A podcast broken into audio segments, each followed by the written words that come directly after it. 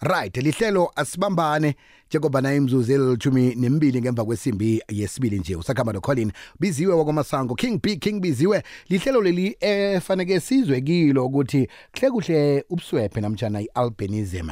Eh ikukhubazeka na? Sikhulumisana nodade eh osebenzela i-albinism task force eh esifundeni ke lapha ke sempumalanga ungusihlalo eh sicoca nge-legislation of albinism as a disability. Sisihlo semini siphakelwa nguking b sidishile kukwekwezi fm samukele emoyeni udade udiketseng wakwamhlungu sesidiketseng lotshani Lotha bhuti, ninjani sesi siphilile ninjani? yoke into ikhamba kamnandi siyathokoza nje ukuthola ithuba lokucocisela nawe namhlanje semini Hayi kuthokoza mina. yeyi banenge abantu abazokusizeka ngenkulumo yethu esiyithomako njengalesi sikhathi um ngaphambi ukuthi sifike kiyo singenelele kiyo akusicocele imandate imisebenzi eniyenzako njenge-albinism task force Okay. Um Bokuqala ngilotshise abalaleli bekwekwezi. Lokhulumayo udiketseng wakamhlungu. Eh ngokuhlala ngihlala idipalise ngisebenzela i albinism task force. Mhm. Eh i-albinism task force i- i- i- i- is a national structure of which sibone ukuthi si- isebenze futhi isebenze naku provincial eh i- i- ipurpose ukuthi bekhona ukulwela amalungelo wabantu abane albinism Mhm. eh globally. And say yasungulwa ngo 2019 okay ah yebo. Umsebenzi wayo ukuunite ukuhlanganisa wonke umuntu one albinism. Mhm. like wonke ama ama organization we albinism uh i, i task force i mother body yakhe. imadabhodi okay yebo alo intshijilo enikhambe nihlangabezana nazo ama-challenges enikhambe nihlangabezana nawo ngengwaphi nje ukwaveza nje kancane ah ama challenges maningi ah, ngaba ngingabalula nje amancane Mhm. eyokuqala ah siswele umsebenzi kakhulu Hmm. nanoma ey'nkolweni siyile eh siyawuswela umsebenzi asichasheki okunye futhi ukuthi ah siswela kakhulu i-sunscreen ngoba asinawo umsebenzi asikhona ukuthenga i-sunscreen. And kwamanje into ebuhlungu ukuthi u-department of health uyikhathile i-sunscreen sokuyisikhathi eside singayitholi. Um nokuthola ama-dermatologist sikhumba sethu sifuna i-dermatologist eh after six months sibone i-dermatologist ngoba ilanga liyashisa nala kokunye futhi. Mm. amanye ama-challenges ukuswela izindlu. Aku- akulula njengomuntu one-albinism u-accessa ama-service kahle kahle. Enye futhi enkulu kwindlula yonke yile kasasa umuntu one-albinism uvela makavela ephasini uvela nje unokukhubazeka. U- usasa akasiphi? And abodokotela bakhona bagcine bakhuluma amagama angasimahle kulo ozoyithola or kubomama. So yiwo ama-challenges engathi ngingawabalula amancane. Nalokufunda ey'nkolweni eh angisho asiboni kahle emehlweni.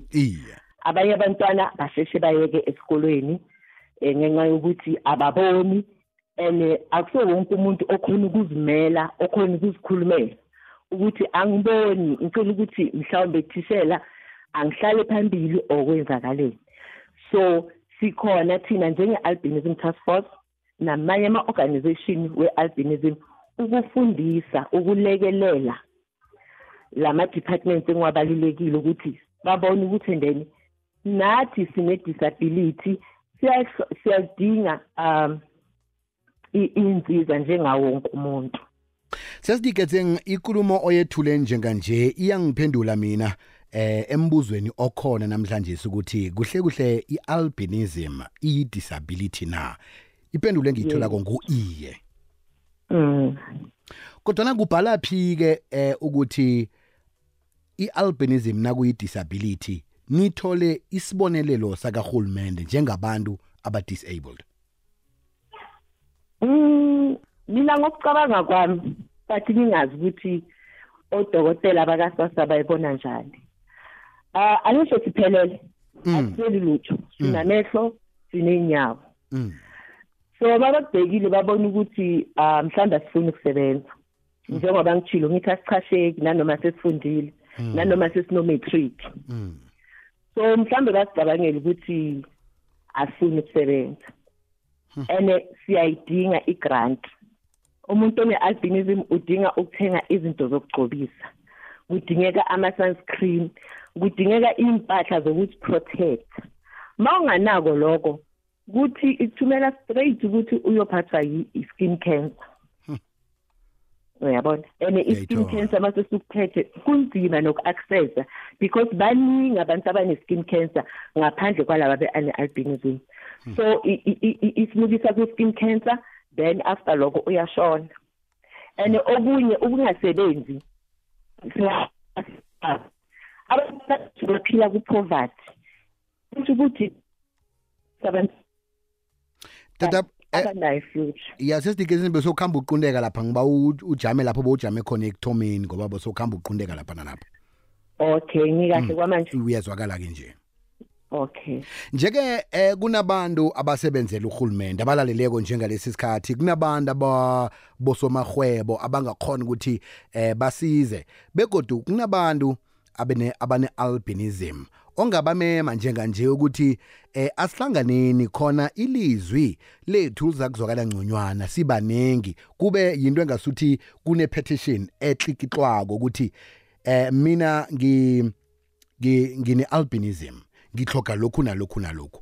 Un- ukuthi angina grant engikhona ukuthi ekhonakazi ukuthi ngikhona ukuthenga i-sunscreen ngikhona ukuthenga lokhu nalokhu nalokhu nalokhu. Into leyo igandlalela amalungelo wami. Kukhona-ke nina ni-albinism uh, task force nikhambisa kurhulumende. Mhlawumbe kuza kuba namajuguluko abakhona. Ungathini nje emntwini emntwini olaleleko njengalesi sikhathi ukummema begodwa ukuthi eze em, ehlanganweni yenu? Eh sikhona ukuthi sikhuthaze urhulumende ngoba ngesinye isikhathi urhulumende ethu lo uhloga nje ukuthi akhakhunjuze ukuthi kunezinye izinto urhulumende ongaziboniko. Ngiba ukuthi ke ungiphendulele umbuzo lo ngemva kokuthi sithengisa ngitsho sesi.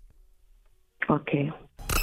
Vuka nabo nelson gogo nezayelele ngawuvuka nabo. Yazi ngigadangele khulu izolo ngibona imbilinga umuhle. Ukuhamba ngekakapenye lapha emolo emanzini. Wangithengela inyama naseke nithi yini yechegwanyana lamabhere ebovanyana leno ngithengela yona-ke madoda ngilele ngisuthi khulu. Muhle mbilinga mama umtsiphe vane uthi um- ubaba umuhle. Hayi ubaba umuhle lo madoda wangiphekelela tele ejardini namakwapho amakwati ndithi hloko bathi kulo ngisomabhizinisi na? Lihlelo vuka uzithathe ngesimbi yesithathu bekube ngeyesihlanu. Unelza usivusa kamnandi kukwekwezi fm kukhanya ba lihlelo asibambane sikhambisana nodade udiketseng wakwamhlowu ngosebenzela i-albinism task force eh ungusihlalo eprovinsini yempumalanga.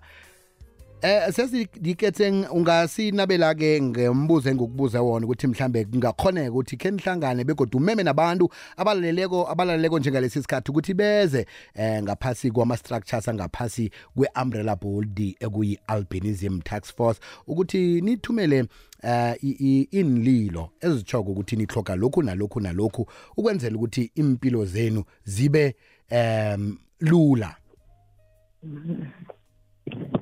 eh ukumema wonke umuntu one-albinism nalo onganayo. Kepha ozwisisa nobonayo ukuthi i-albinism ngempela siyahlaba ah wonke umuntu maka makabe ne-organization noma anganayo makaxhumane nathi eh enye i- i-people ukuthi ndeni isebenze eh ngama ukhamba uyasilahlekela sesidiketseng ngibawa uchida chide ngapho. Okay sengizwakala. Uyezwakala nje? Ehe ngithi sibawa wonke umuntu ukuthi abe ku-organization or athintane nathi ku-albinism task force. Eh sizokwazi ukuthi sihlangane silisane na- nawo wonke ama-challenges esinawo because akekho umuntu ophila ku-island. Sonke siya- siyabuza ubuhlungu. Eh ngoba kwamele sibe ne-provincial structure ngibawa wonke u-government even nama-private sectors ukuthi as-assiste ukuthi si- si- si- siyenze leso structure.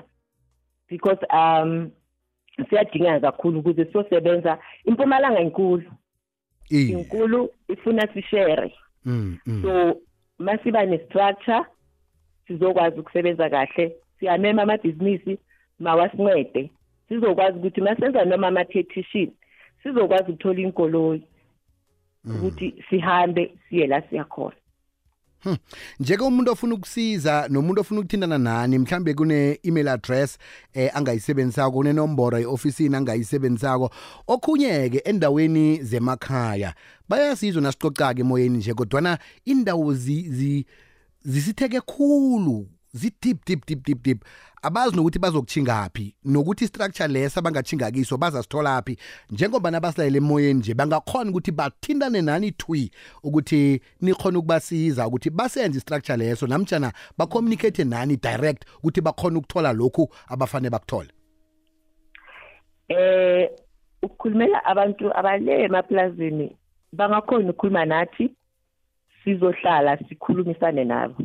Because kakhulukhulu vele abantu abahlala le emakhaya abazi lutho nange-albinism ukuthi kwenzakalani. Mm. so bavumelekile ngizoshiya imininingwane bakhulume nami sizohlanganisana ukuthi siyenza kanje siyenze kanje eh ngifuna ukuveza naloko kukhona abanye abasizayo masicela usizo. Mhm. nohulumeni kukhona iminyango esisizayo.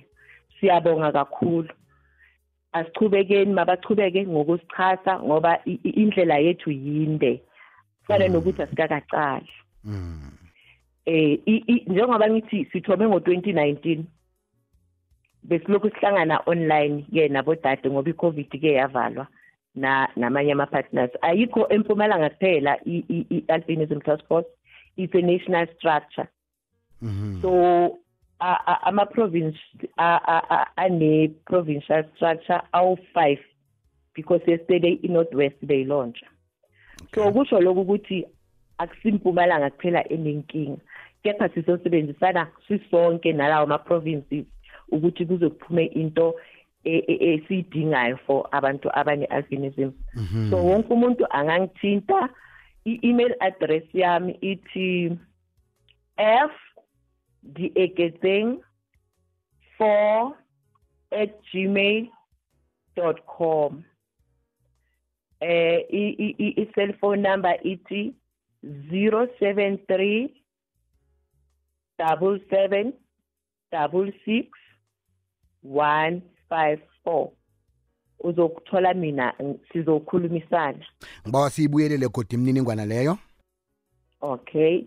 I-email address ithi f dieketseng 4 at gmail dot com. Eh i-cellphone number 073 double seven double six one five four. Sesidiketseng siyathokoza kakhulu kwamambala. Niragele phambili ngemisebenzi emihle eniyenzako. Eh yokuthi-ke niphandlula abantu nisiza abantu bekhethu. Siyathokoza ngitsho. Siyabonga kakhulu. Sithokoze khulu kwamambala. Vele kokwez FM silitshamse khonapho-ke ihlelo. Asibambani namhlanje sivane-ke sibe nalo. Qobe ngabo losithathu ngalesi sikhathi.